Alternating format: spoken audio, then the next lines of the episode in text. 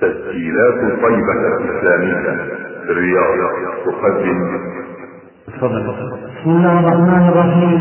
الحمد لله رب العالمين وصلى الله وسلم على نبينا محمد وعلى آله وصحبه أجمعين. قال رحمه الله تعالى وقوله تعالى قد سمع الله قول التي تجادلك في زوجها وتشتكي إلى الله والله يسمع تحاوركما ان الله سميع بصير. وقوله لقد سمع الله قول الذين قالوا إن الله فقير ونحن أغنياء. وقوله أم يحسبون أنا لا نسمع سرهم ونجواهم؟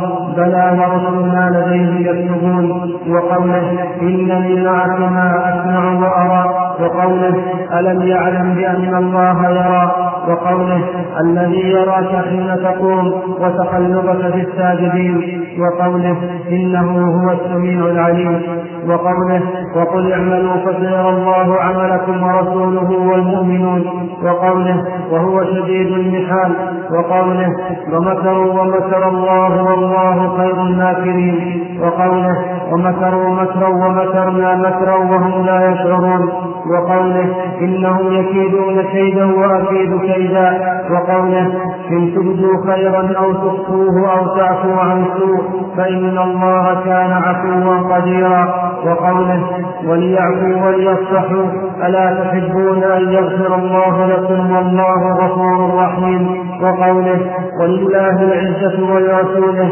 وقوله عن إبليس فبعزتك لهم أجمعين وقوله تبارك اسم ربك ذي الجلال والإكرام وقوله فاعبده واصطبر لعباده.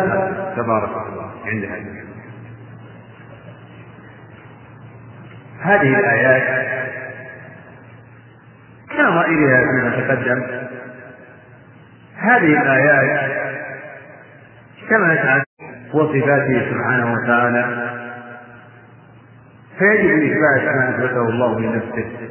من أسمائه وصفاته مع بأنه تعالى لا مثيل له في شيء من ذلك وأنه لا يعلم كيفية شيء من صفاته أحد من خلقه فلا يعلم كيف هو إلا هو ولا يعلم كيفية سمعه وبصره وغير ذلك لا يعلم أحد من العباد منه كنها هذه الصفات بل ذلك مما استأثر الله بها. وهذه الصفات التي اشتملت عليها الآيات منها من الأسماء السميع والبصير والعفو والغفور والقدير كلها أسماء هذه فهو السميع البصير وهو العفو الغفور. وهو العفو القدير إن الله كان عفوا قديرا.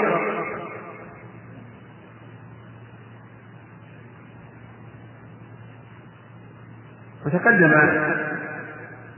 بعض ذلك وكل من هذه الأسماء متضمن لصفة من صفاته سبحانه وتعالى.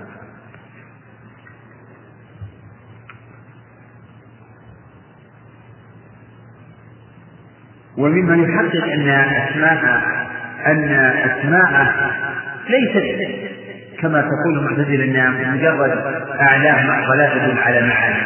لا بل هي أسماء تدل على معاني. على صفات فهو تعالى هو السميع وهو يسمع. يسمع أقوال العباد. حسنها وقبيحها يسمع. فقد سمع الله. قد سمع الله قول التي تجادلك في زوجها المرأة التي ظاهر منها زوجها جاءت تجادل النبي عليه الصلاة والسلام وتشتكي حالها وعيالها وقد كان الطهارة في الجاهلية طلاقا تحرم به المرأة. وليس لهذا حل ولكن الله سبحانه وتعالى أنزل هذه الآيات في مناسبة هذه المرأة فأبان تعالى أن الظهار ليس طلاقا ولا تحرم به المرأة لكن تجد فيه الكفارة وأن الظهار أنكر من القول والزور قد سمع الله قول التي تجادلك في زوجها وتشتكي إلى الله. تشتكي إلى الله حالها تقول في أمر عيالها إن ضمنتهم إلي أتباعا أنه ليس ليس تحت رعاية أبيهم الذي يملك وإن تركتهم له ضاعوا وتشتكي إلى الله والله يسمع تحاوركم يسمع. وجاء في قصة هذه المرأة عن أم المؤمنين عائشة تقول إن إني في جانب البيت وإنه لا يخفى علي بعض كلامها وتقول رضي الله عنها سبحان من وسع سمعه الأصوات. المرأة تجادل الرسول وعائشة قريبة منهم يخفى عليها بعض كلامها. والله العلي الأعلى. يسمع كلامها. يسمع كلامه قد سمع الله قد بالتحقيق. قد سمع الله قول التي تجادلك في زوجها وتشتكي إلى الله والله سمع كلامها متى؟ عندما كانت منها المجادلة وكان منها الحوار. سمع كلامها. قد سمع الله قول التي تجادلك في زوجها. وتشتكي إلى الله. والله يسمع تحاوركما يسمع الحوار الذي بينها وبين الرسول ثم علل ذلك بقول إن الله سميع. سمع. ويسمع. لأنه سميع. لأنه سميع بصير. وكذلك يسمع كلام المفترين المفترين على الله من الكفار لكنه يحلم لكنه يحلم عليهم ويمهلهم لقد سمع الله قول الذين قالوا إن الله فقير. هذه مقالة لبعض اليهود واليهود أهل جرأة على الله وتنصف وقالت اليهود يد الله مغلولة غلت أيديهم ولعنوا بما قالوا بل يداه مبسوطتان نعم. سمع الله قول هذا الكافر العليم الممتلئ على الله إن الله فقير ونحن أغنياء. يعني لما أنزل الله من ذا الذي يقرض الله قرضا حسنا قال هذا الحديث الله يستقرضنا من أموالنا أو يستقرضنا أموالنا. الله فقير.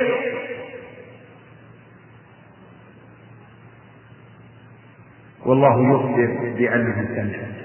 وفي هذا الإخبار تهديد لقد سمع الله. ليس المراد فقط الإخبار بأنه سمع. لا هذا في ضمنه التهديد. نعم. لقد لقد وهذا في توطئة اللام هي الموطئة للقسم المعنى والله لقد سمع الله. سمع الله قول الذين قالوا إن الله فقير ونحن أغنياء. سنكتب ما قالوا وقتلهم الأنبياء بغير حق ونقول ذوقوا عذاب الحريق. في تعديل كما من هذا التفسير ما جاء في قوله تعالى مهددا للمكذبين للرسل أم يحسبون أنا لا نسمع سرهم ونجواهم؟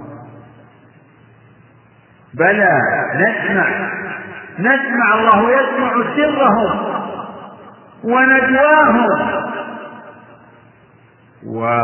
وسيجزيهم على ما يدور في هذا السر والنجوى. أم يحسبون أننا لا نسمع سرهم ونجواهم؟ بلى ورسلنا لديهم يكتبون. فالله يسمع كلام المتآمرين على رسل الله والمتناجين بالإثم والعدوان والرسل تكتب أيضا. الرسل الملائكة الموكلون في كتاب الأعمال تكتب. إذا الأقوال أقوال هذه الأقوال الخفية التي يستسر بها أهلها هي مسموعة للرب ومكتوبة بأيدي الحفظ الكرام الكاتبين بلى ورسلنا لديهم يكتبون. وأيضا فالله وفي هذا ما فيه من التهديد والوعيد. هذا أسلوب تهديد وكذلك من هذه الآية قوله تعالى إنني معكما أسمع وأرى هذا خطاب من الله لموسى وهارون. لما أرسلهم الله إلى فرعون خاف. فرعون طاغية. وهما بشر يخافان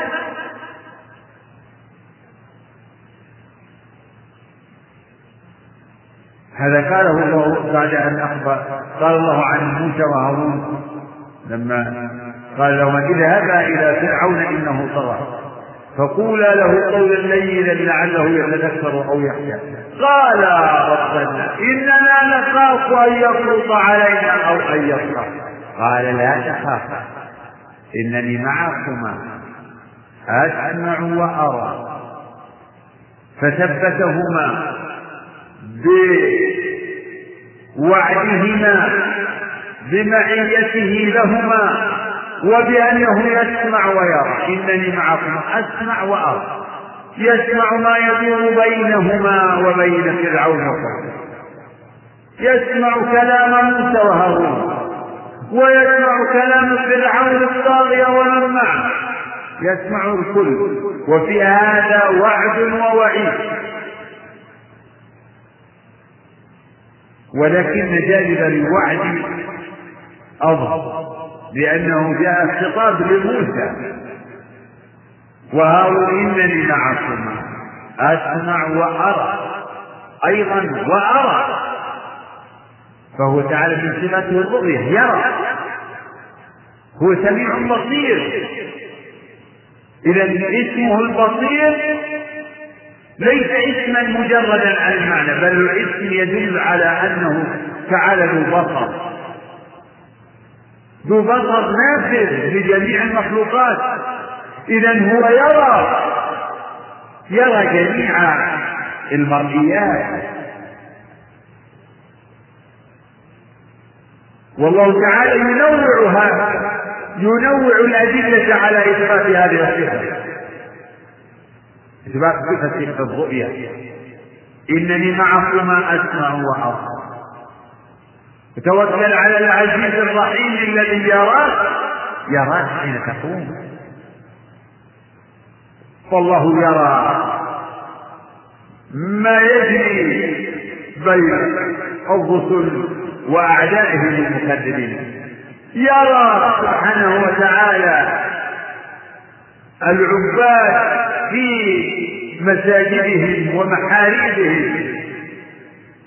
يرى يراك أيها العبد. فاحذر أن يراك ربك حيث نهاك. احذر أن يراك حيث نهاك. وفي وفي ذكر السمع والرؤيا في هذه المواطن تثبيت لقلب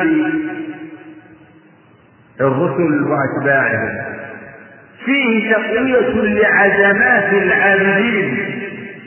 إذا تستحضر العبد وهو يعبد ربه أن الله يرى. هذا مقام من مقامات الإحسان. أن تعبد الله كأنك كأنك تراه. فإن لم تكن تراه فإنه يراك توكل على العزيز الرحيم الذي يراك.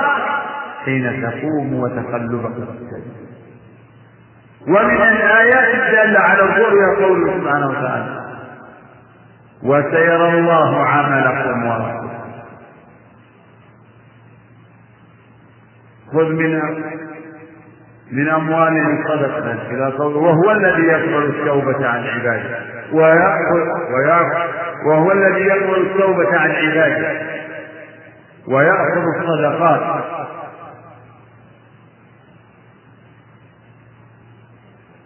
وقل اعملوا إلى قوله وقل اعملوا فسيرى الله عملكم ورسوله. وقل اعملوا فسيرى الله عملكم ورسوله والمؤمنون وفي هذا تهديد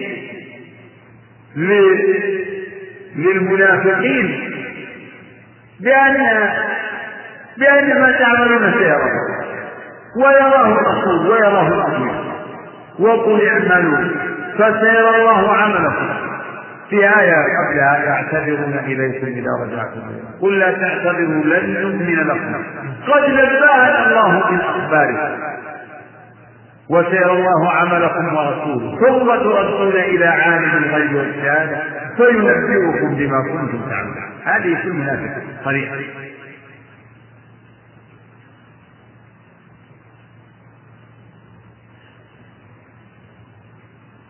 سير الله. سير الله عمله فالله يرى عمل العاملين.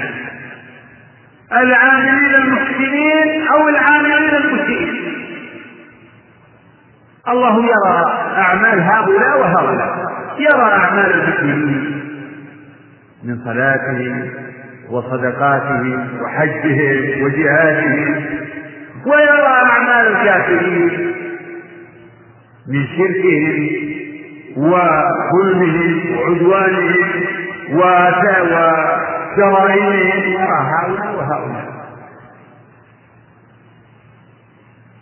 فيه إثبات السمع والبصر والرؤيا له سبحانه وتعالى.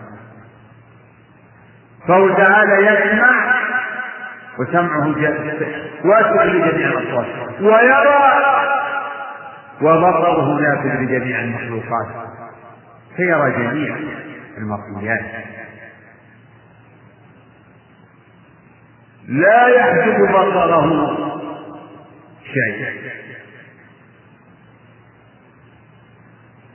فهو الظاهر الذي ليس فوقه شيء والباطن الذي ليس دونه. ومن الصفات التي اشتملت عليها الآيات التي قرأت صفة المكر والكيد والمكر والكيد معناهما متقارب وكذلك النحال وهو شديد النحال. يعني شديد المكر بأعدائه من الكافرين والمنافقين. شديد النحال فمن مكر الله به فهو المغلوب. ولهذا قال سبحانه وتعالى في الكافرين ويمكرون ويمكر الله والله خير الماكرين ومكروا مكرا. هذا في قول صالح. ومكروا مكرا ومكرنا مكرا وهم لا يشعرون وقال قال سبحانه إنهم يكيدون كيدا وأكيد كيدا فالله يكيد. الكافرين والمنافقين. ويمكر بهم. وهو خير الماكرين. والعباد يمكرون ويكيدون وليس المكر كالمكر ولا الكيد كالكيد ولكن ولكنه تعالى يمكر بأعدائه حقيقة ويكيدهم حقيقة. والمكر والكيد هو تدبير حقيقي. يتضمن إيصال الضرر من حيث يظن النفع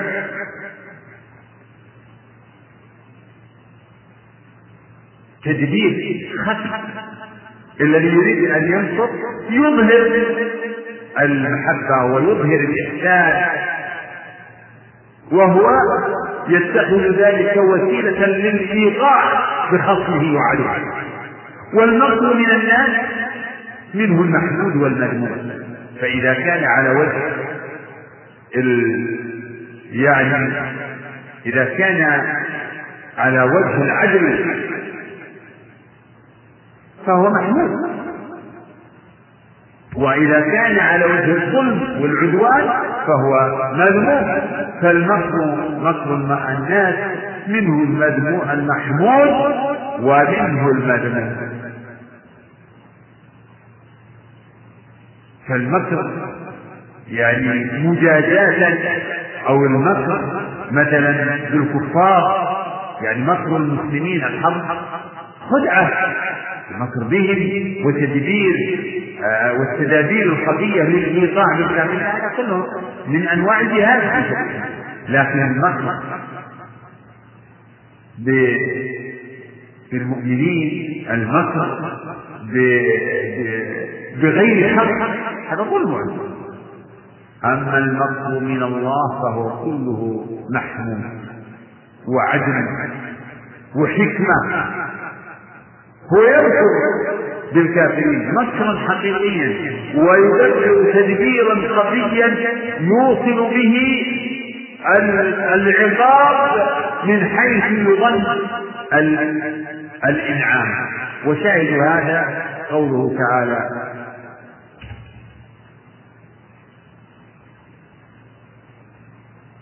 ولمن خلقنا أمة يهدون بالحق وبه يعدلون. والذين كذبوا بآياتنا سنستدرجهم. الاستدراج هذا هو المكر سنستدرجهم من حيث لا يعلمون. وقال تعالى ولا يحسبن الذين كفروا أنما نملي لهم خير لأنفسهم إنما نملي لهم ليزدادوا إثما. إملاء الله للكافرين هو من مكره به. من مكره به. فلما نسوا ما ذكروا به انظر فلما نسوا ما ذكروا به فتحنا عليهم أبواب كل شيء. مما يشتهون ويفرحون به. أبواب كل شيء. حتى إذا فرحوا بما أوتوا. أخذناهم بغتة. ليس هذا مكر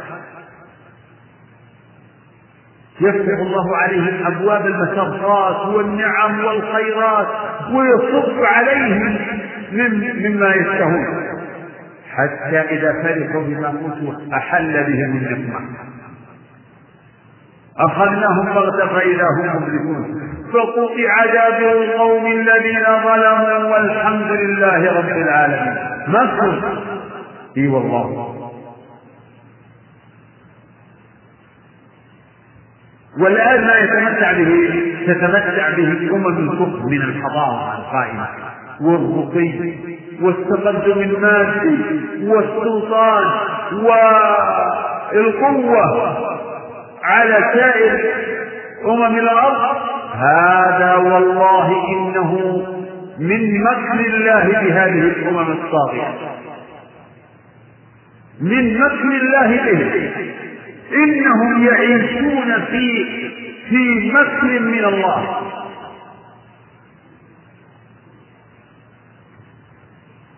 أصوابهم هذا هذه الفتوح المادية أدت بهم إلى الاغتراب والزهور والغطرسة والكبرياء والتسلط والظلم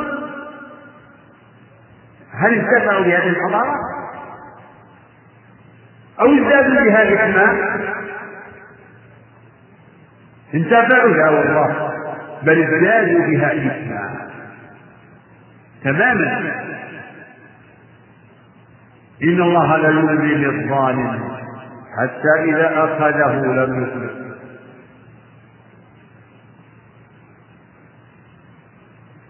فالواجب على المسلمين ألا يغتروا بما يعيشه الكفار من من مظاهر من مظاهر عز وتقدم ورقي وعلوم ومعارف. المسلمين أن يسعوا فيما ينفعهم لكن من غير أن يعجبوا بالكفار وأن يعظموا الكفار وأن يسيروا في ركابهم وأن يقلدوهم في في التوافه وفيما يضر وما لا ينفع. المقصود إن هذا من مكر الله. بل من مكر الله في المنافقين أن شرع قبول علانيته يعني المنافقون من من أظهر الإيمان وأبطل الكفر؟ فالله أمر بأن آه، نقبل علانيته ونترك سريرته. فيظن المنافق أن نفاقه قد راجع على الله وأنه بهذا قد خدع الله. يخادعون الله والذين آمنوا وما يخدعون إلا أنفسهم وما يشعرون.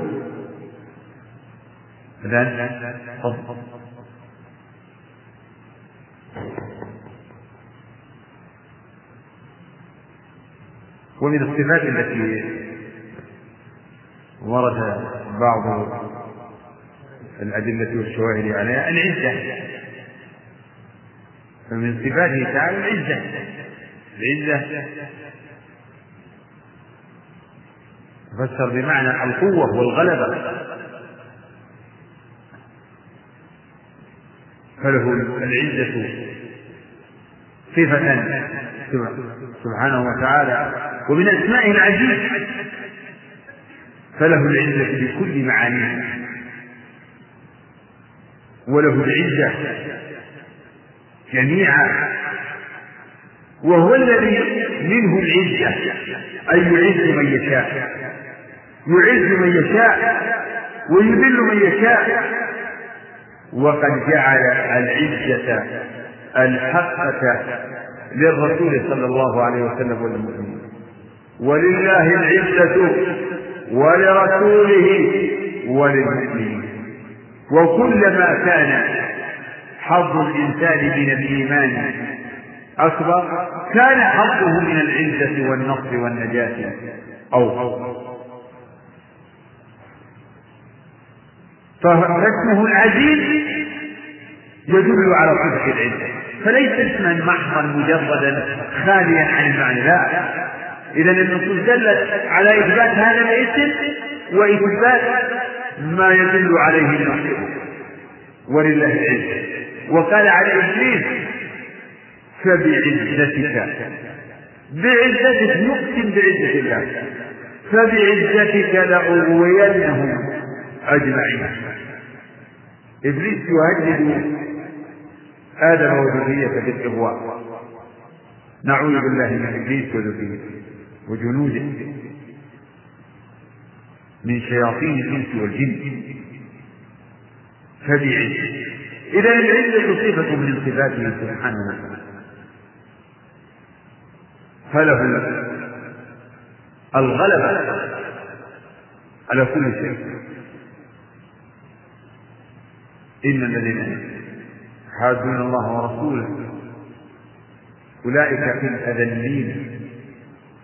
كتب الله لأغلبن أنا ورسلي إن الله قوي. عليم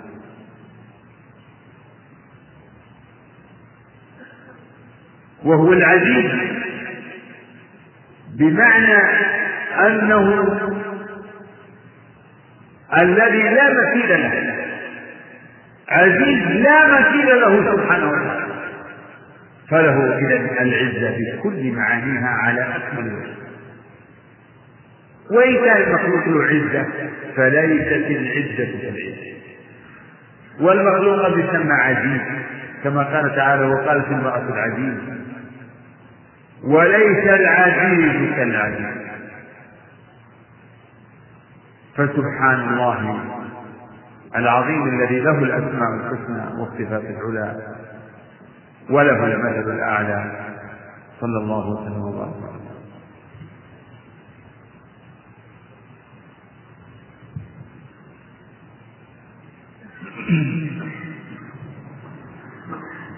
السؤال الأول يقول هل صحيح أنه يطلق على الاستنجاء بالأحجار استجمار؟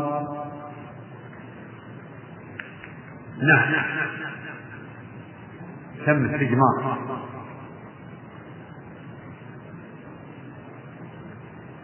وتقدم ومن استجمر البيوت. نعم. وهذا يقول يقول بعض الناس إن الله يتكلم مثل كلام المخلوقين لأنه كلم موسى. هذا سؤال تقدم من ذلك نعم.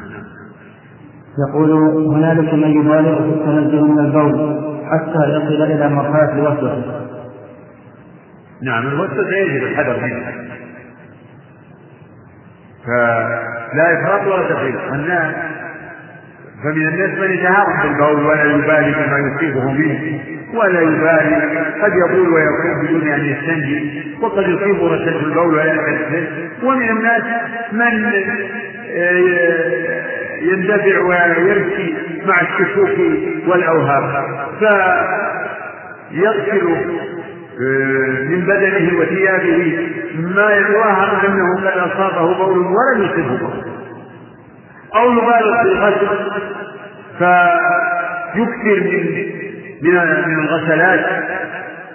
والبول يعني ازالته لا تحتاج إلى كثرة غسلات. يستنجي الانسان في القليل غرفتين ثلاثة يعني نفس النجاسة التي في المخرج من البول يسيرة. تذهب.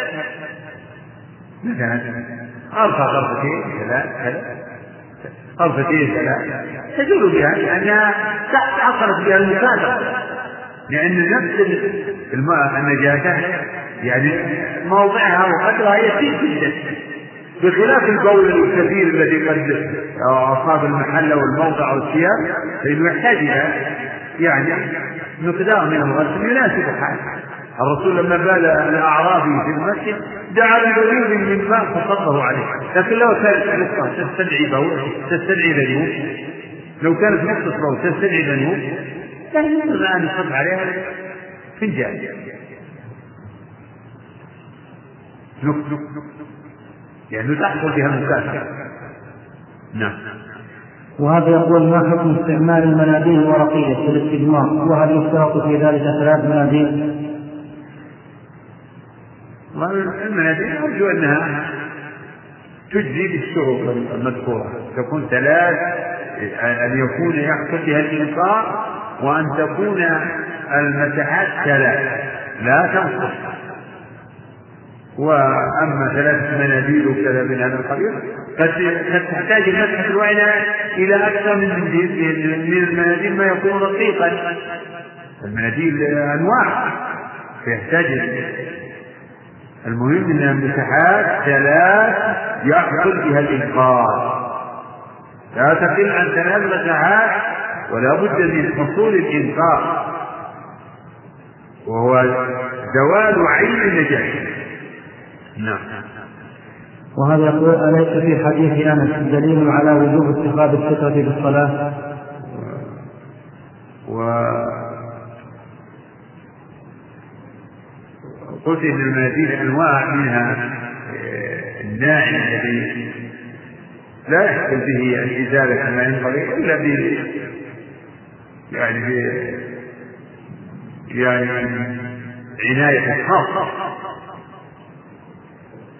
ومنها الخشن الذي هو يعني أكثر تأثيرا أو وأقوى أثرا في إزالة النجس فلا بد من ملاحظة ذلك. نعم. تقول. يقول هل في حديث أنس دليل على وجوب اتخاذ الستره في الصلاة؟ نعم ليس فيه دليل. نعم. وهذا يقول هل ننسب الذنوب والتدني إلى الله تعالى وقد جاء هذا في قصة الاسراء من حديث الشريف. حديث الشريف فيه مآخذ وألفاظ اختلف فيها العنز إيش؟ اي فالذي يدل على الوجوب شرعيا في السترة لا كلام فيه لكن هل يستدل في هذا الحديث على وجوب السترة؟ لا السؤال على الوجوب ما عندك وجوب وهذا يقول آه نعم. هناك ألفاظ شاعت من الناس وهي قولهم. أما الذنوب فهو ثابت في الجملة للرب سبحانه وتعالى. فالنزول يتضمن الذنوب وكذلك حديث أنه تعالى يدنو عشية عرفة فيباهي بأهل الموقف. الملائكة زايده الملائكة. فالذنوب ثابت في حق الرب سبحانه وتعالى. وليس العمدة في هذا الحديث الشريف لأن الحديث الشريف فيه ألفاظ قد أخذت عليه واعتبرت من أوهامه. نعم. هناك ألفاظ شاعت بين الناس مثل قولهم الله لا يشغلنا إلا في طاعته وقولهم الله لا يهدينا إلا في طاعته. الله إيش لا يشغلنا إلا في طاعته. الكلام الثاني الله لا يهدينا إلا في طاعته. الله لا يهدينا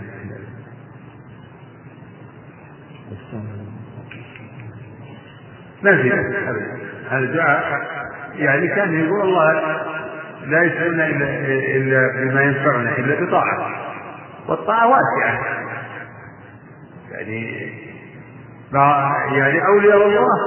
آه، كل حياتهم اشتغلت في طاعة الله قل إن صلاتي ونسكي ومحياي. ولفظة الشغل ما فيها شيء إن في الصلاة لشغلا اللي يصلي مشغول بالصلاة والذي يقرأ مشغول بالقراءة قد قد يعني أشغله الله واستعمله واستعمله في خير فلا أرى في هذا البأس إلا لفظ الإلهاء تركها أولى ولا يفيد إلا إطاعة. أما لفظ الشغل فهو ثابت لأن الشغل يشمل اشتغال بالخير والشر. نعم. هل يجوز إثبات صفة المكر لله سبحانه وتعالى؟ إي والله. كيف تسأل هذا السؤال وقد سمعت وقرأت الآيات وقلنا إنه تعالى يمكر حقيقة.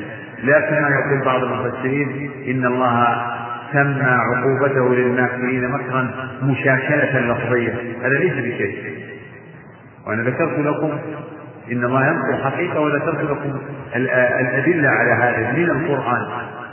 فلما نسوا ما ذكروا به فتحنا عليهم أبواب كل وأمثال ذلك نعم. آه، وهل يجوز أن نقصد الإناء لتبريده؟ مثل الشاهد مثلا؟ ما أدري. إيه؟ النفخ الإناء لتبريده النفخ الإناء لتبريده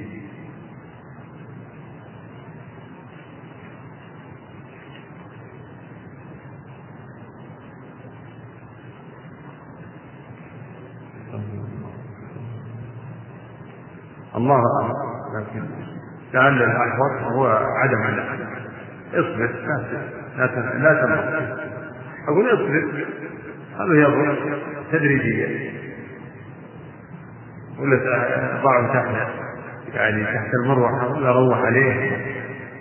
هذا أحوط. دام أنه نهي عن التنفس في الإناء فكيف بالنفس يعني في الجملة.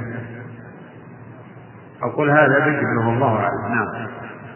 وهذا يقول نريد أن تعطونا عفى الله عنكم ضابطا أو أكثر للتفريق بين الاسم والصفة والإخبار. الله أعلم هذه مسألة محل يعني استشكال عند كثير من الناس لكن الاسم هو يمكن أن يكون كل ما يمكن أن تدعو به ربك فتقول يا يا حي يا قيوم يا سميع يا بصير فهو لكن الصفات صفات مثل النزول والغضب والرضا والمكر لا تقول يا يا نازل أو يا غاضب أو ما يقال. ليس بالنسبة لله الغاضب أو الباطي أو النازل أو الماكر لكن يمكن أن يقال من اسمائه أنه تعالى أحسن الخالقين وأنه آه، خير الراحمين. وأيضا وخير الناصرين. فخير الناصرين يمكن أن نقول إنه اسم. هو خير الناصرين على الإطلاق. وهو خير الراشدين وهو أحسن الخالقين. وهو أرحم الراحمين. فهل يقال لأحد إنه أرحم الراحمين إلا هو؟ وهل يقال لأحد إنه خير الرازقين إلا الله؟ فهذه كلها ألفاظ تختص بالرب سبحانه وتعالى.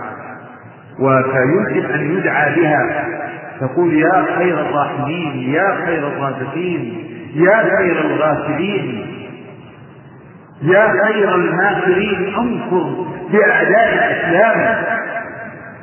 لابد في التوسل أن تتوسل بالأسماء المناسبة. يعني للمقام. نعم. عزيز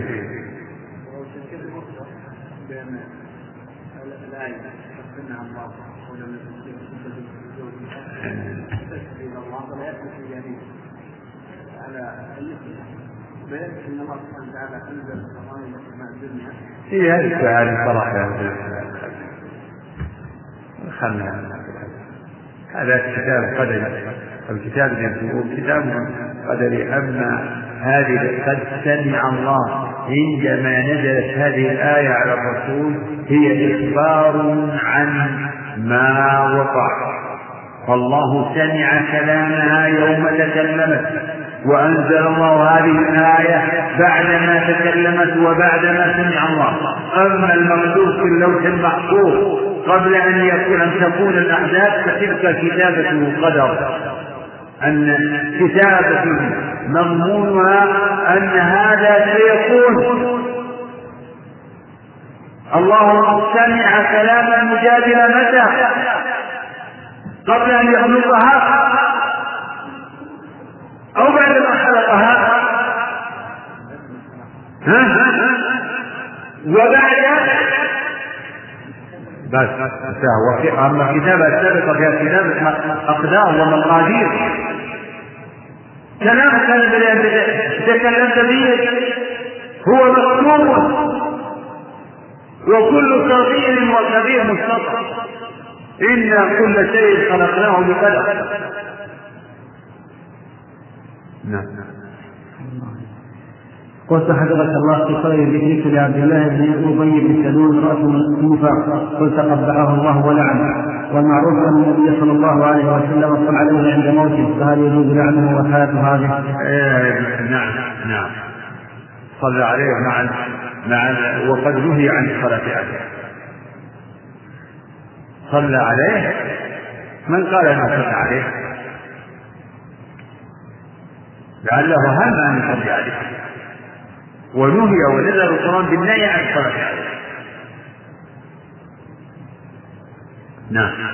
وهذه المرأة تقول أنها تستعمل تستعمل حبوب منع الحمل بغير إذن زوجها وهو يريد الإنجاب فهل في ذلك محظور؟ ليس لها أن تستعمل تستعمل مانع الحمل إلا باتفاق بينهم لأن التسلية من حقهما جميعا. نعم. السؤال الأخير نلاحظ على بعض الإخوة وخاصة عند إقامة الصلاة. ومنهم الذين يجلسون متكئون على المكان التي هي موجودة في المسجد أنه إذا أقيمت الصلاة فإن أحدهم لا يتقدم إلى الفراغ الذي يكون أمامه. خوفا من أن يضيع مكانه الذي يتكئ عليه. كذلك ما نلاحظه على عدم التواصل والصفوف نرجو من فضيلتكم توجيه كريما بهذا الخطوط وفقكم الله. شرح هذا السؤال.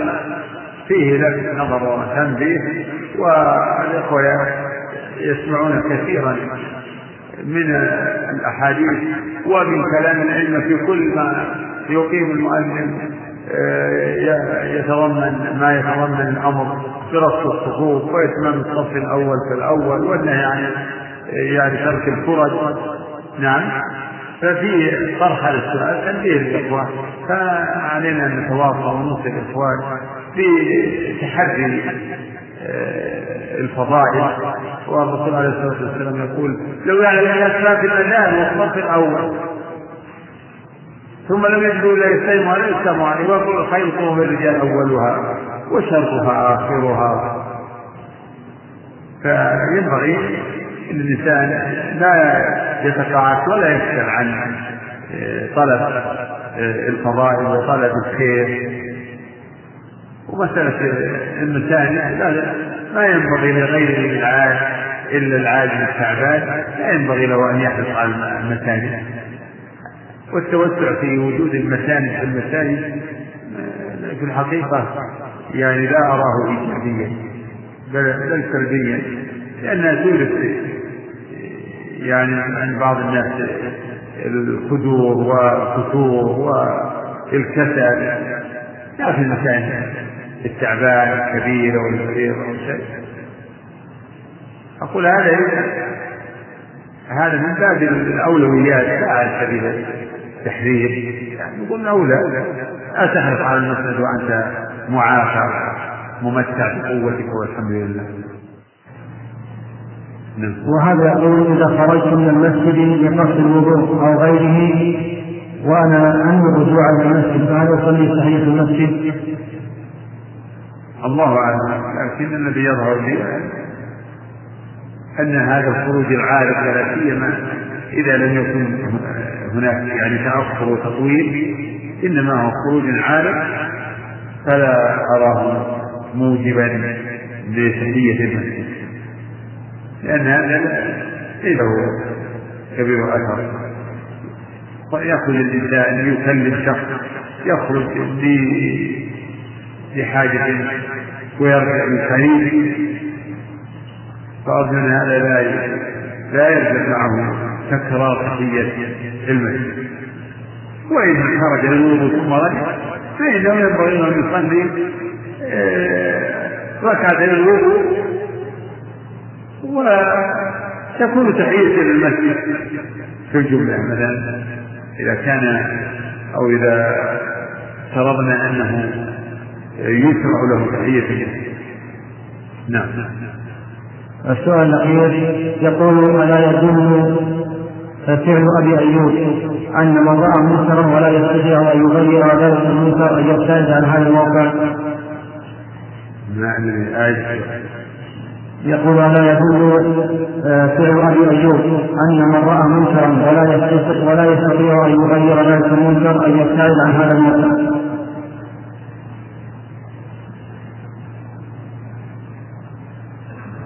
أن يبتعد عن هذا الموقع.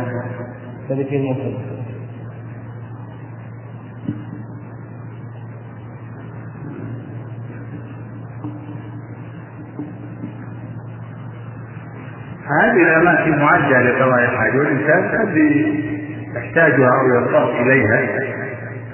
فأبو أيوب يعني لم يأمر بهدمها.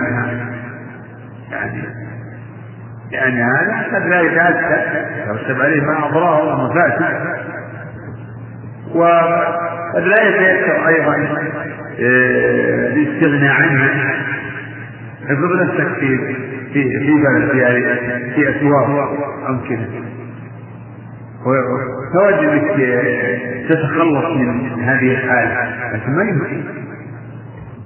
من فضلك اقلب الشريط.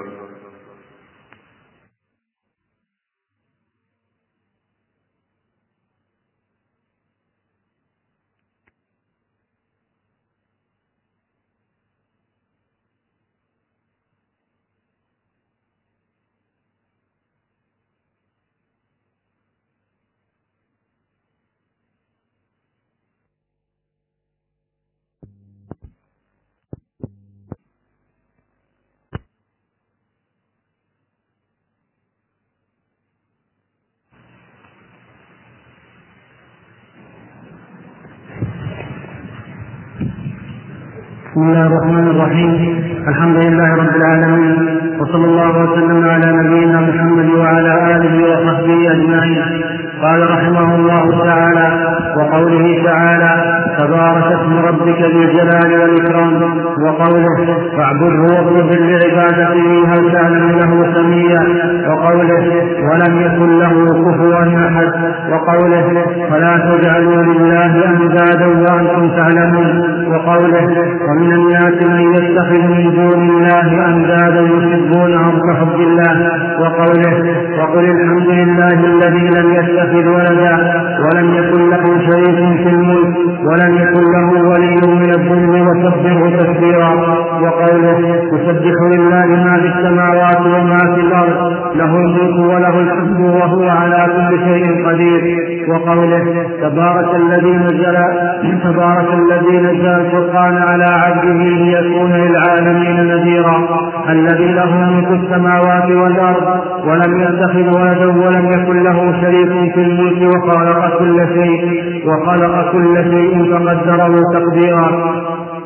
وقوله ما اتخذ الله من ولد وما كان معه من إله إذا لذهب كل إله بما خلق ولعلى بعضهم على بعض. سبحان الله عما يصفون عالم الغيب والشهادة فتعالى عما يشركون. وقوله فلا تضربوا لله الأمثال إن الله يعلم وأنتم لا تعلمون. وقوله قل إنما حرم ربي الفواحش ما ظهر منها وما بطن والإثم والبغي بغير الحق وأن تشركوا بالله ما لم ينزل به سلطانا وأن تقولوا على الله ما لا تعلمون. وقوله الرحمن على العرش استوى.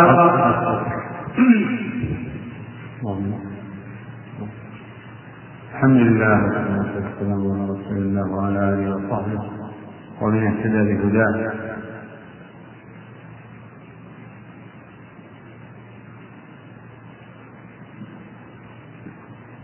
كل الآيات المتقدمة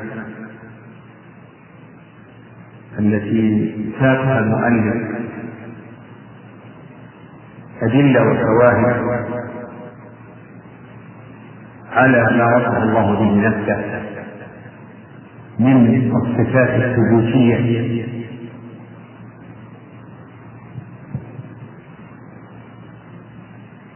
فإنه كما سبق في القاعدة قاعدة النفي والإثبات وهي أنه تعالى موصوف بالإثبات والنفي وأن الله قد جمع فيما وصف وسمى به نفسه بين النفي والإثبات. وآخر الآيات التي قرأت فيها الدلالة على الإثبات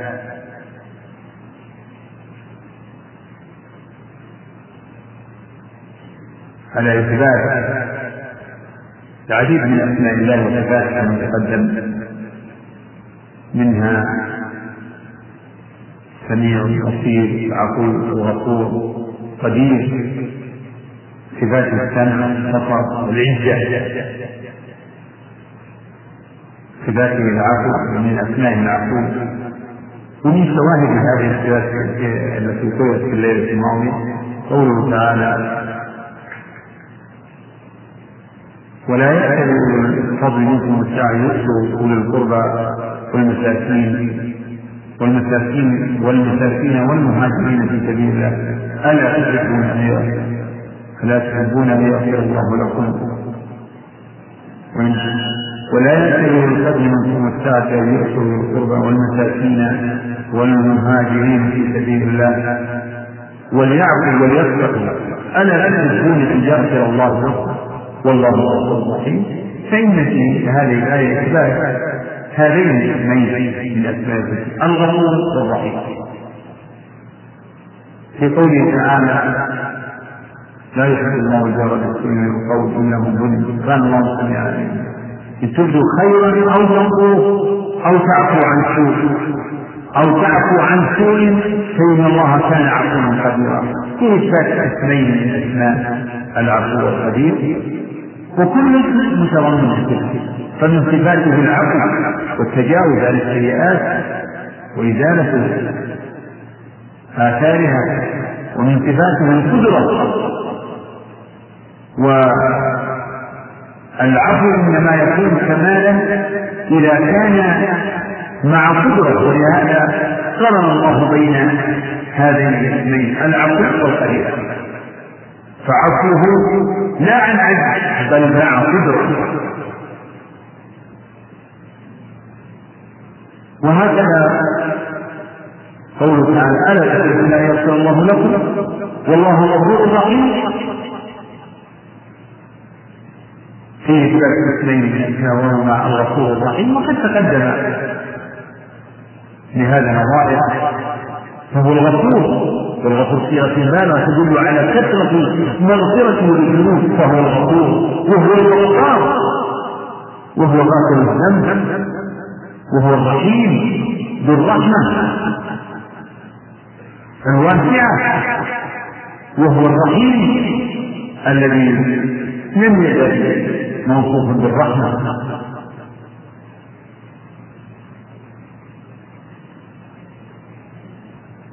وفي هذه في هذين الآيتين ترغيب بالعون والرحمة فإن الجزاء من جنس العمل.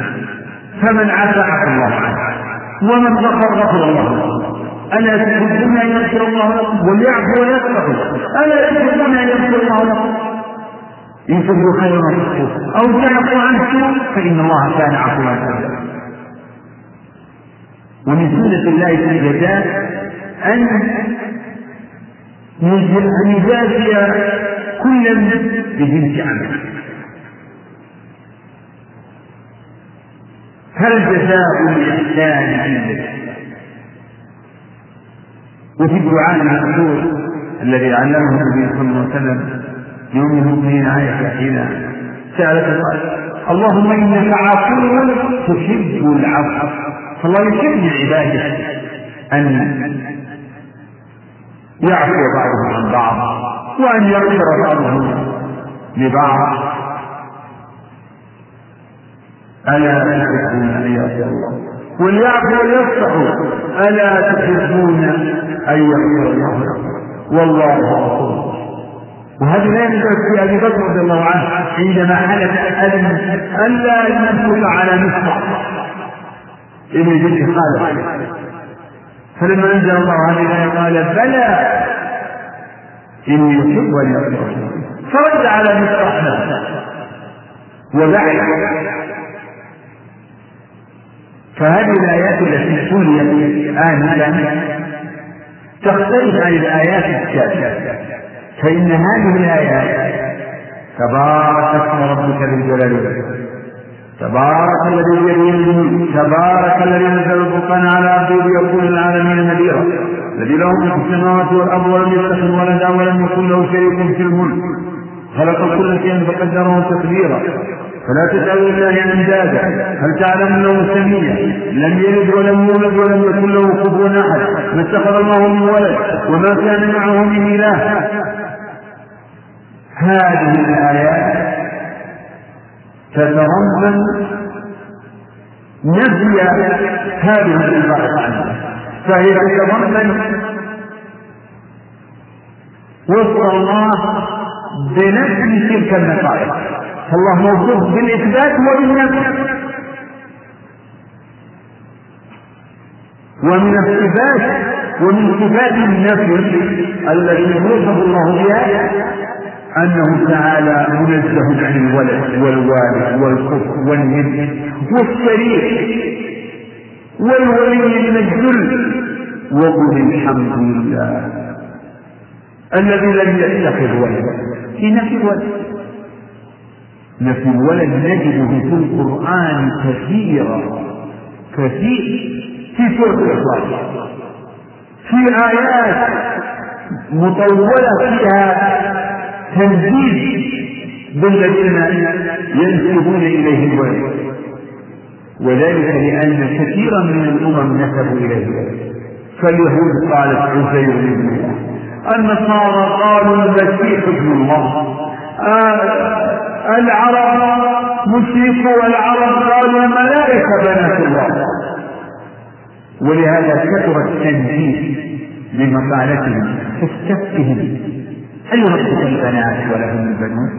أم خلقنا الملائكة إناثا وهم شاهدون ألا إنهم بنفسهم ليقولون ولد الله وإنهم لكاذبون. أصطفى البنات على البنين. ما كيف تحكمون أفلا تذكرون أم لهم سلطان مبين؟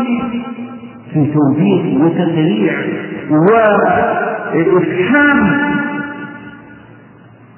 إفحام. لأولئك وأنه لا له لا عاقل ولا من شر ولا حزب ما هو إلا الكذب والافتراء الذي بينه الشيطان له أفرأيتم الله والعزى ومناة الثالثة الأخرى ألكم الذكر.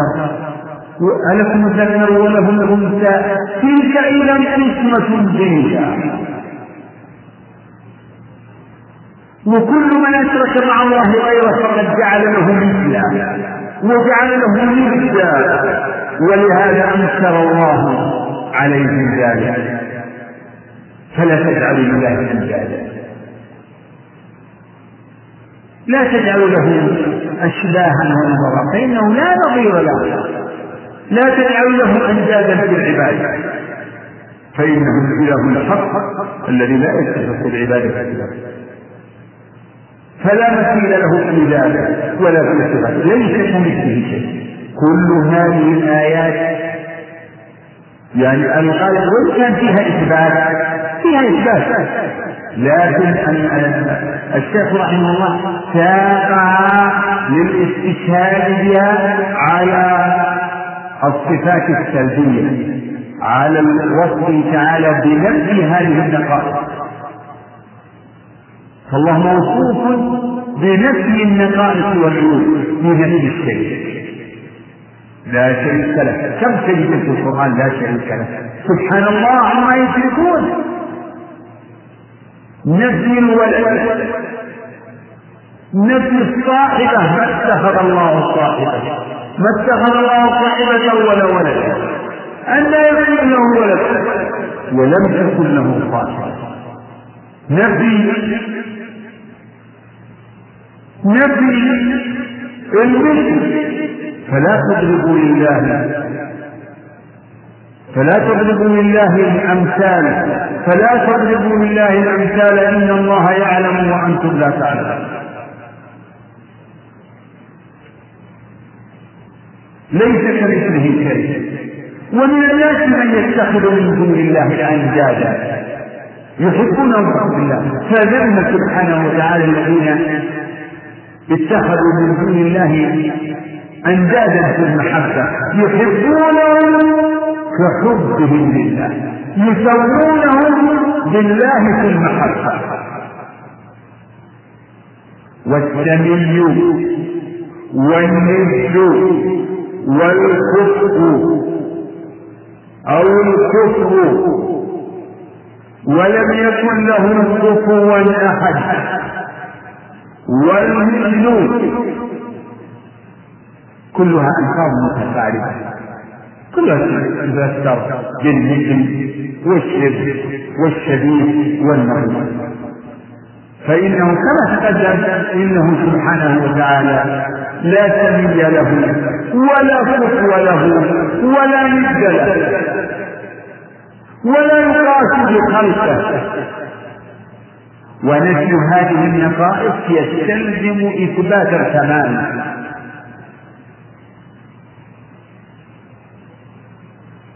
يستلزم تفرده بالكمال. فلا مثيل لا مثيل له ولا ند له.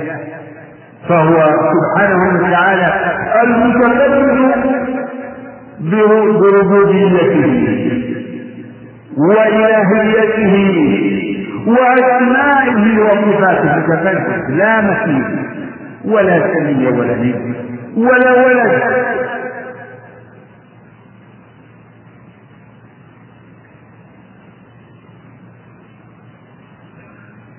ما اتخذ الله من ولد وما كان معه من اله نفي الولد ونفي الاله وما كان معه من إله. إذا لذهب كل إله بما خلق. لو كان مع الله اله اخر لم لكان لكان للاله خلق.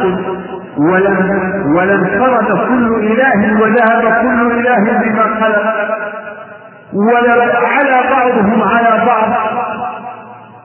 ولكنه ما تم إلا اله الله. هو الإله الحق كل ما يعبد من دون الله فهو معبود بالباطل. إذا ليس في الوجود إله حق إلا الإله الواحد. وإلهكم إله واحد. لا إله إلا هو الرحمن. الرحيم وما أرسلنا من قبلك من رسول. الا نوحي اليه أنه لا إله إلا أنا فاعبدوني لا إله إلا الله. اصل دين الرسل كلهم من إلى اخرهم لا إله إلا الله. نفي. نفي لالهيه ما سوى الله.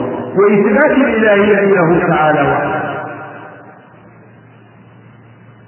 ولا يتحقق التوحيد الا إلا بذلك بإثبات الإلهية له ونفي الإلهية عما سواه. ثم تفريقه بالعباده وإفراده بالعباده وذلك بعبادته وحده وترك عبادة ما سواه. واعبدوا الله ولا تشركوا به شيئا. تبارك اسم ربك. تبارك. هذه الكلمة تدل على التنزيه والتقديس تبارك هي معناه يعني تقدس وتعالى. تقدس وتعالى عن كل النقائص والعيوب من الشركاء والأنداد والأولاد. تبارك. وفيها أيضا الدلالة على أنه تعالى ذو الخير وال والبركة. والبركة هي الخير الكثير. وهو سبحانه وتعالى الذي بيده الخير. وهو الذي له الأسماء الحسنى والصفات العلى.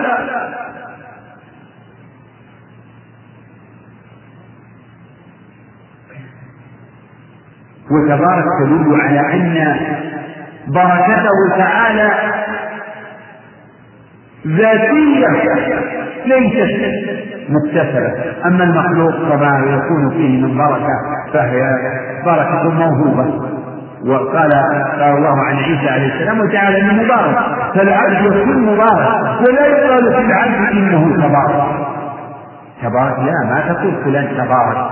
كما يجري على لسان بعض الناس يقولون تبارك علينا يا فلان أو أو تبارك هذا الشيء تباركت هذه السلعه أو هذه تباركت غلط لا هذه سلعة مباركة وهذا شيء مبارك وهذه دابة مباركة وسيارة مباركة وما إلى ذلك.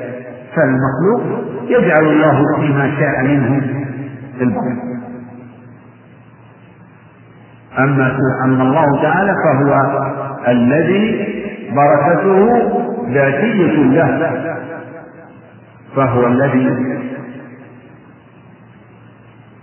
يوصف بأنه تبارك وقال تبارك الله تبارك الله أحسن الخالقين تبارك الله رب العالمين تبارك الذي نزل الفرقان على عبده تبارك.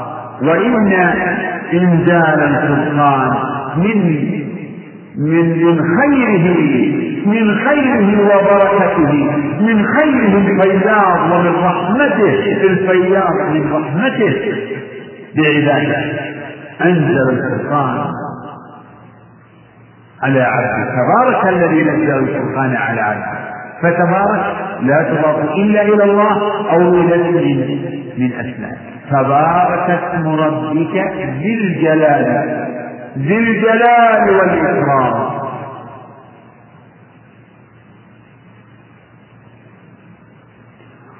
وتقدم لكم أن النفي الذي يوصف الله أن أن القاعدة فيما يوصف الله به من النفي هو الإجمال أن يكون مجملا. لا مفصلا. لكن هذا هو الغالب وقد يأتي النفي مفصلا.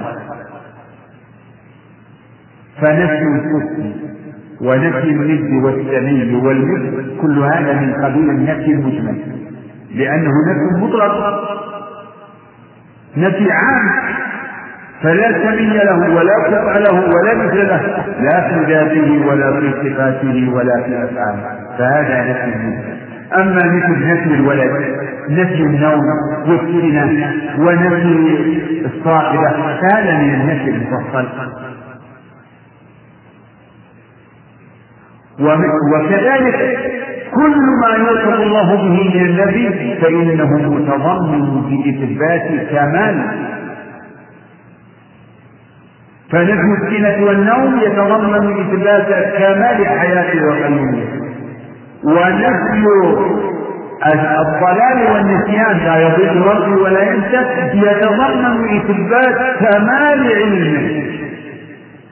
لا يضل ربي ونفي الغفلة عنه.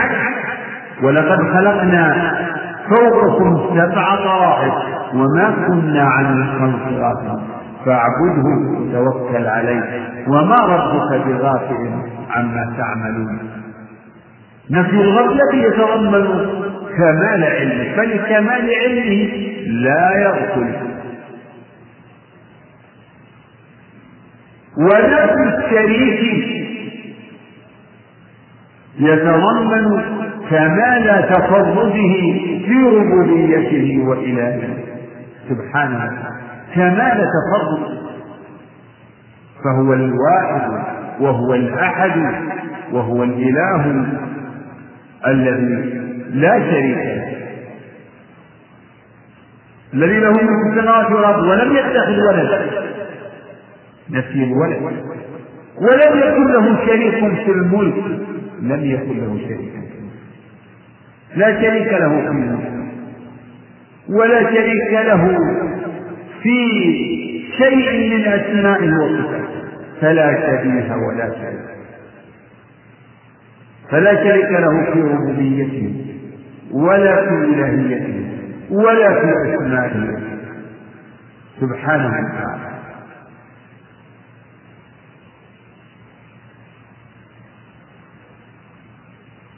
ونجم الولي من الذل. يتضمن كمال عزته وكمال قوته وقدرته.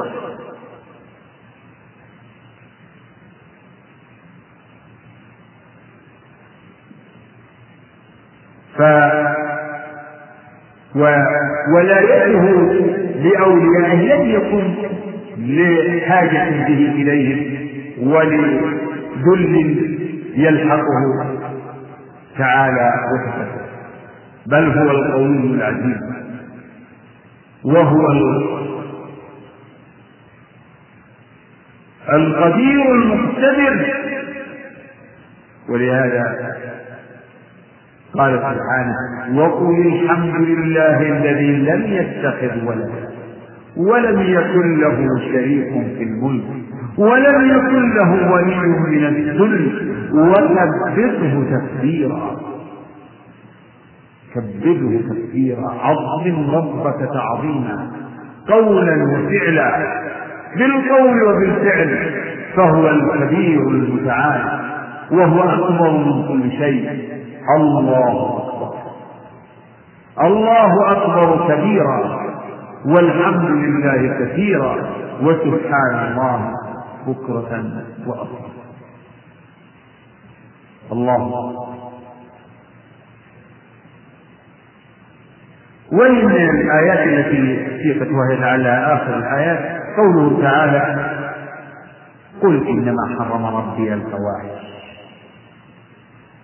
ما ظهر منها وما بطن الفواحش الفعلات المنكرة البالغة في القبح غاية. فاحشة هي الفعلة الشنعاء. التي تستفتشها وتستقبحها الفطر السليمة والعقول المستقيمة. فواحش ما ظهر منها وما بطن والإثم والبغي البغي على الخلق والبغي بغير الحق وأن تشركوا بالله ولعل هذا. فتحريم الشرك تحريم الشرك بالله يتضمن نفي الشرك. تحريم الشرك بالله يتضمن أنه لا شريك كما أن قوله تعالى فلا تجعلوا لله أندادا. نهي عن جعل الأنداد لله لأنه لأنه لا ند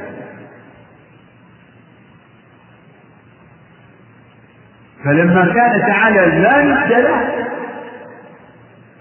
حرم على عباده أن يتخذوا له أندادا. لأن ما يتخذونه أندادا وشركاء هي ليست أندادا ولا شركاء إلا في زعم المشركين وفي ظن المشركين وإلا فهي مخلوقة مخلوقات مربوبة ناقصة عاجزة. وأن تشركوا بالله ما لم ينزل به سلطانا وأن تقولوا على الله ما لا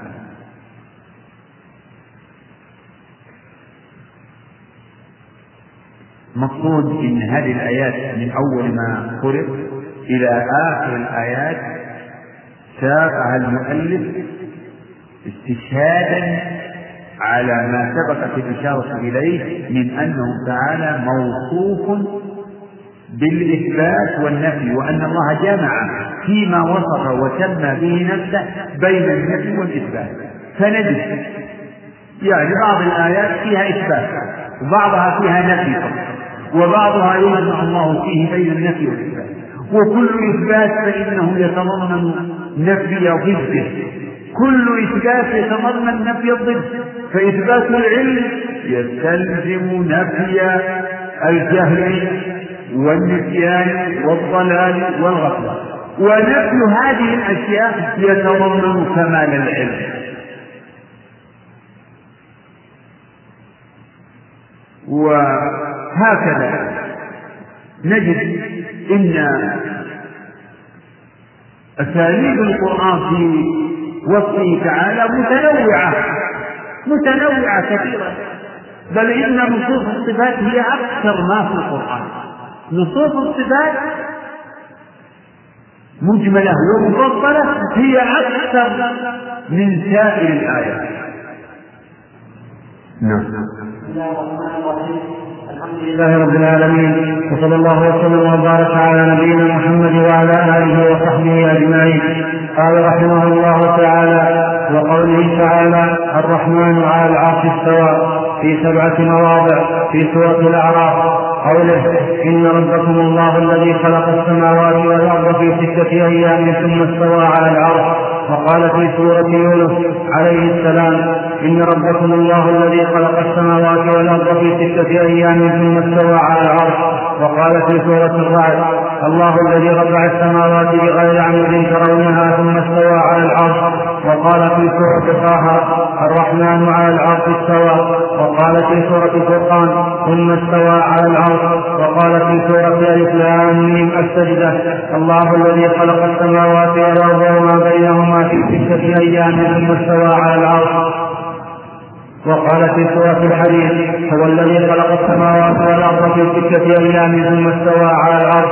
وقوله يا عيسى إني متوفيك ورافعك إلي وقوله بل رفعه الله إليك. وقوله لا كيف على آخر آية سورة الحديد إطلاق هو الذي هو الذي خلق السماوات والأرض في ستة أيام ثم استوى على العرش. انتهى؟ الحمد لله والصلاة والسلام على رسول الله وعلى آله وصحبه. أيضا يتابع الشيخ رحمه الله سوق الشواهد القرآنية على على إثبات صفاته سبحانه وتعالى الأدلة الدالة على إثبات صفاته تعالى.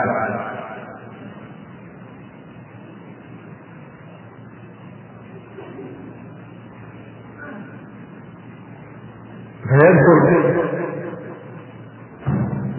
النصوص الدالة على صفة الاستواء.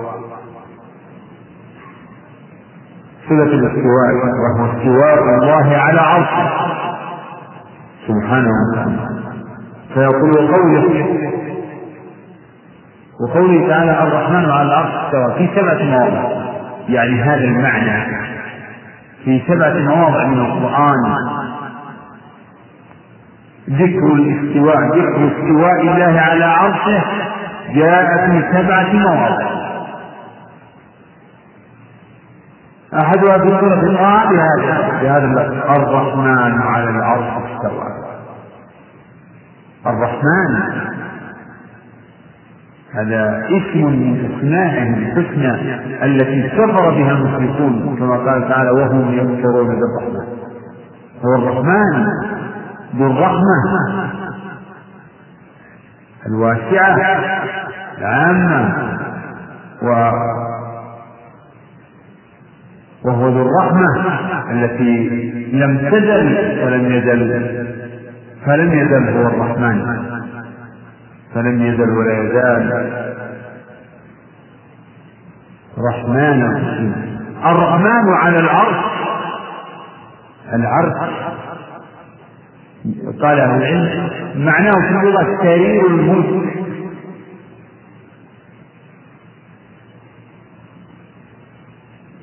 أو سرير الملك. المعنى متلازم والمراد بالعرش في هذه الآيات عرش الرحمن وهو سرير وهو مخلوق وهو أعلى المخلوقات. وأعظم المخلوقات. ولا يقدر قدره إلا الله. ولا يحيط العباد بعظمة هذا العرش. وقد وصف الله العرش بأنه عظيم وكريم ومجيد.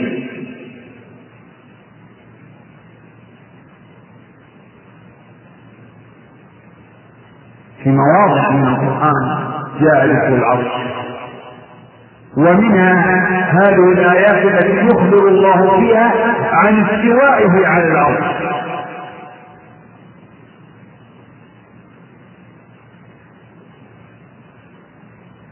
ففي سورة الأعراف إن ربكم الله الذي خلق السماوات والأرض في ستة أيام ثم استوى على العرش. ومثلها في سورة يونس وفي سورة الرعد الله الذي رفع السماوات بغير عمد ترونها ثم استوى على العرش. في سورة الفرقان الذي خلق السماوات والأرض وما بينهما في ستة أيام ثم استوى على العرش الرحمن فاسأل به خبيرا. في سورة السجدة الله الذي خلق السماوات والأرض وما بينهما في ستة أيام ثم استوى على العرش. وآخر سورة الحديث. هو الذي خلق السماوات والأرض في ستة أيام ثم استوى. على استوى على العرش. معناه كما جاء ذلك عن السلف معناه على. وارتفع واستقر على العرش.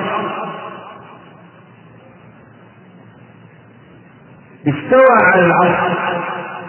استواء يليق به ويحبه لا يستوي استواء المخلوق على المخلوق. المخلوق يصف بالاستواء المخلوق يصف بالاستواء على غيره نعم.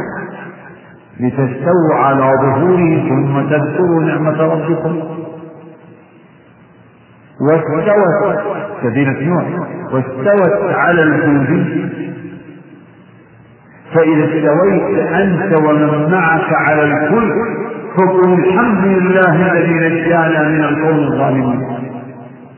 وليس الاستواء كالاستواء. استواء الله على عرش ليس كاستواء المخلوق استواء يخصه ويليق به ويناسبه ولا يعلم العباد كلها. فيجب أن يثبت ذلك لله مع نفي مماثلته لصفة المخلوق ونفي العلم بالكيفية. لكن الاستواء معلوم. معناه معلوم كما قال الأئمة. كما قال الإمام مالك وغيره لما سئل عنه. لما قال له رجل كيف استوى؟ قال الاستواء معلوم. معناه معلوم في اللغة العربية. إذا هو معلوم في هذه النصوص أو ليس بمعلوم؟ بلى إنه معلوم لأن الله أنزل هذا القرآن بلسان عربي مبين وأمر عباده بالتدبر وذم المعرضين عن تدبر القرآن. إذا الاستواء معلوم. إذا قرأنا هذه الآيات نعلم معنى ثم استوى على العرش. الرحمن على العرش. استوى نعلم معنى ذلك يعني على وارتفع واستقر كيف شاء سبحانه وتعالى؟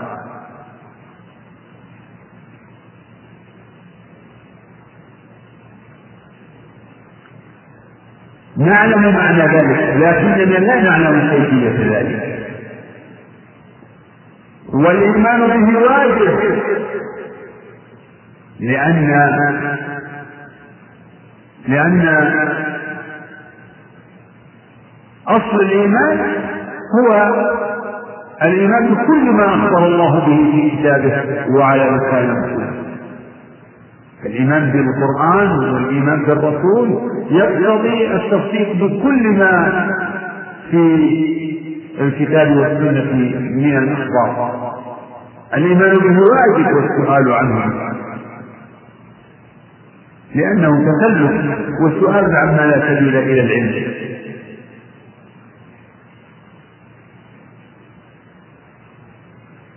ونلاحظ أن الآية الأولى وهي آية طه الرحمن على العرش استوى فيها الإخبار بأنه استوى على العرش.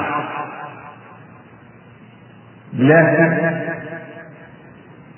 متى الله أعلم. لم لم يبين لم تدل الآية على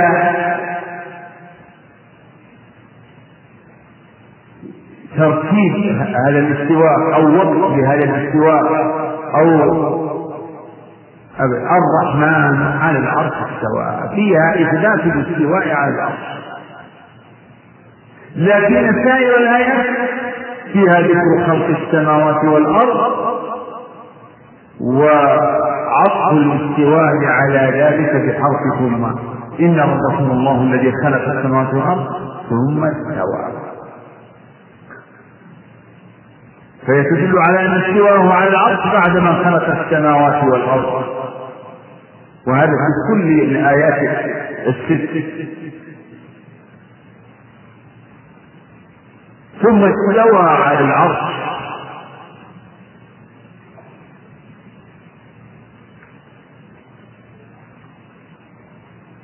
إذا الاستواء من استواء الله مخصوص بالعرش. مخصوص بالعرش.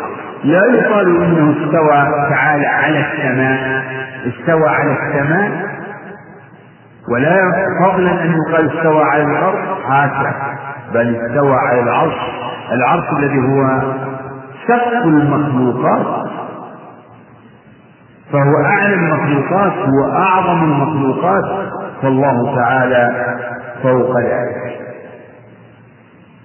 فوق جميع المخلوقات. يلزم من علومه واستوائه على العرش علوه فوق جميع المخلوقات.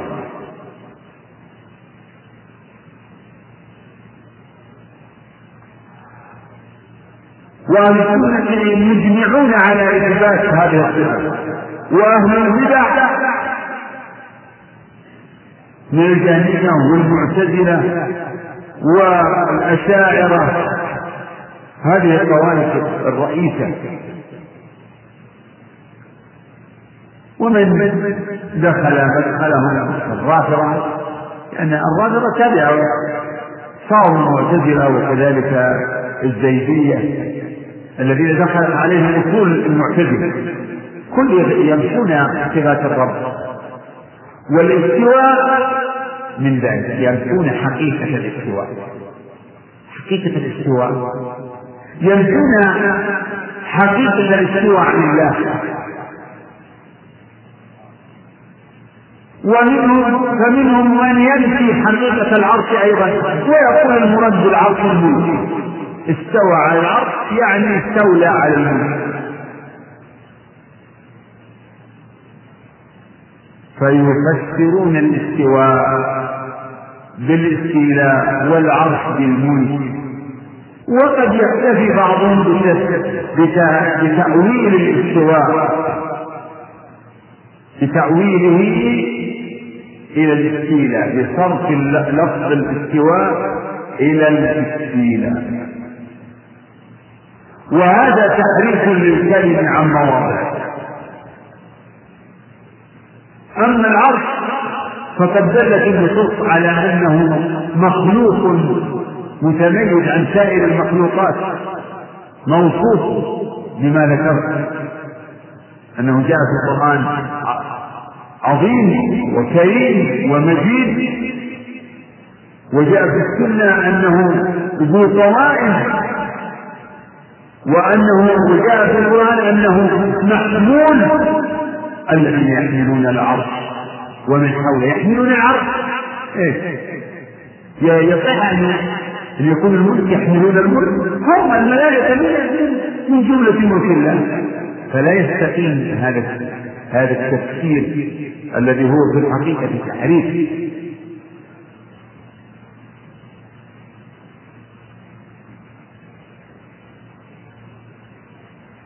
وتفسير الاستواء بالاستيلاء أيضا فاسد من جهة اللغة ومن جهة الشرع. فإن فإنه لا يعرف في اللغة استوى بمعنى استولى. ولا دليل لهم عليه إلا بيت قاله الأقصى النصراني في قوله قد استوى بشر على العراق. قالوا هذا معناه استولى على العراق وليس هذا صريحا. استوى بشر على العراق يعني يعني على على عرشه صار سلطانا عليه. وهذا هذه عمدتهم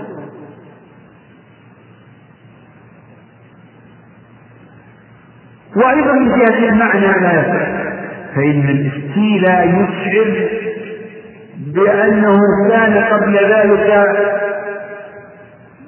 غير مستوليا عليه غير مستول عليه.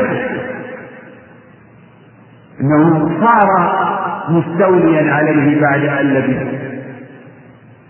أو يشعر أيضا بالمغالبة استولى عليه.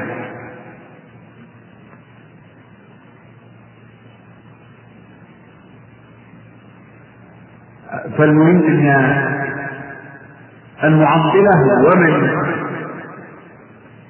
سلك سبيلهم ينفون حقيقة الاستواء ويفسرونه بالاستيلاء ومنهم من أهل التأويل وهؤلاء أهل التأويل منهم أما أهل التفسير فيقولون هذه نصوص يجب ان ان أن نمرها الفاظا دون أن يفهم منها معنى ودون أن تفسر. تمر الفاظ وتقرأ ألفاظ جوفاء لا لا لا تتدبر ولا يعقل لها معنى. وكلا القولين باطل اعني قول أهل التفويض وأهل التأمين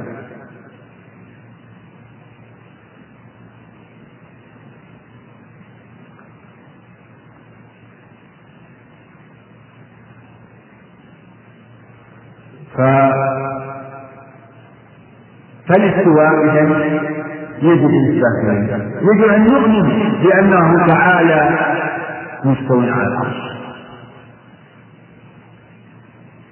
وأن العرش وأنه استوى عليه بعد خلق السماوات والأرض. والعرش مخلوق قبل ذلك.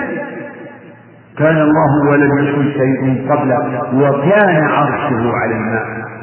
وكتب في الذكر كل شيء وفي الحديث الآخر.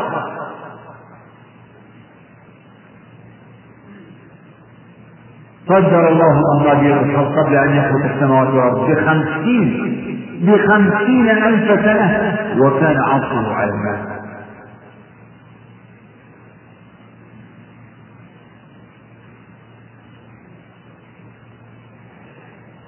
وهذه النصوص أعني نصوص الاستواء هي من أدلة علوه تعالى على هذا نوع نصوص الاستواء هي نوع من أنواع أدلة علوه تعالى على خلقه التي سيذكر الشيخ منها نماذج في الشواهد التالية. نعم. تسجيلات طيبة الإسلامية الرياض.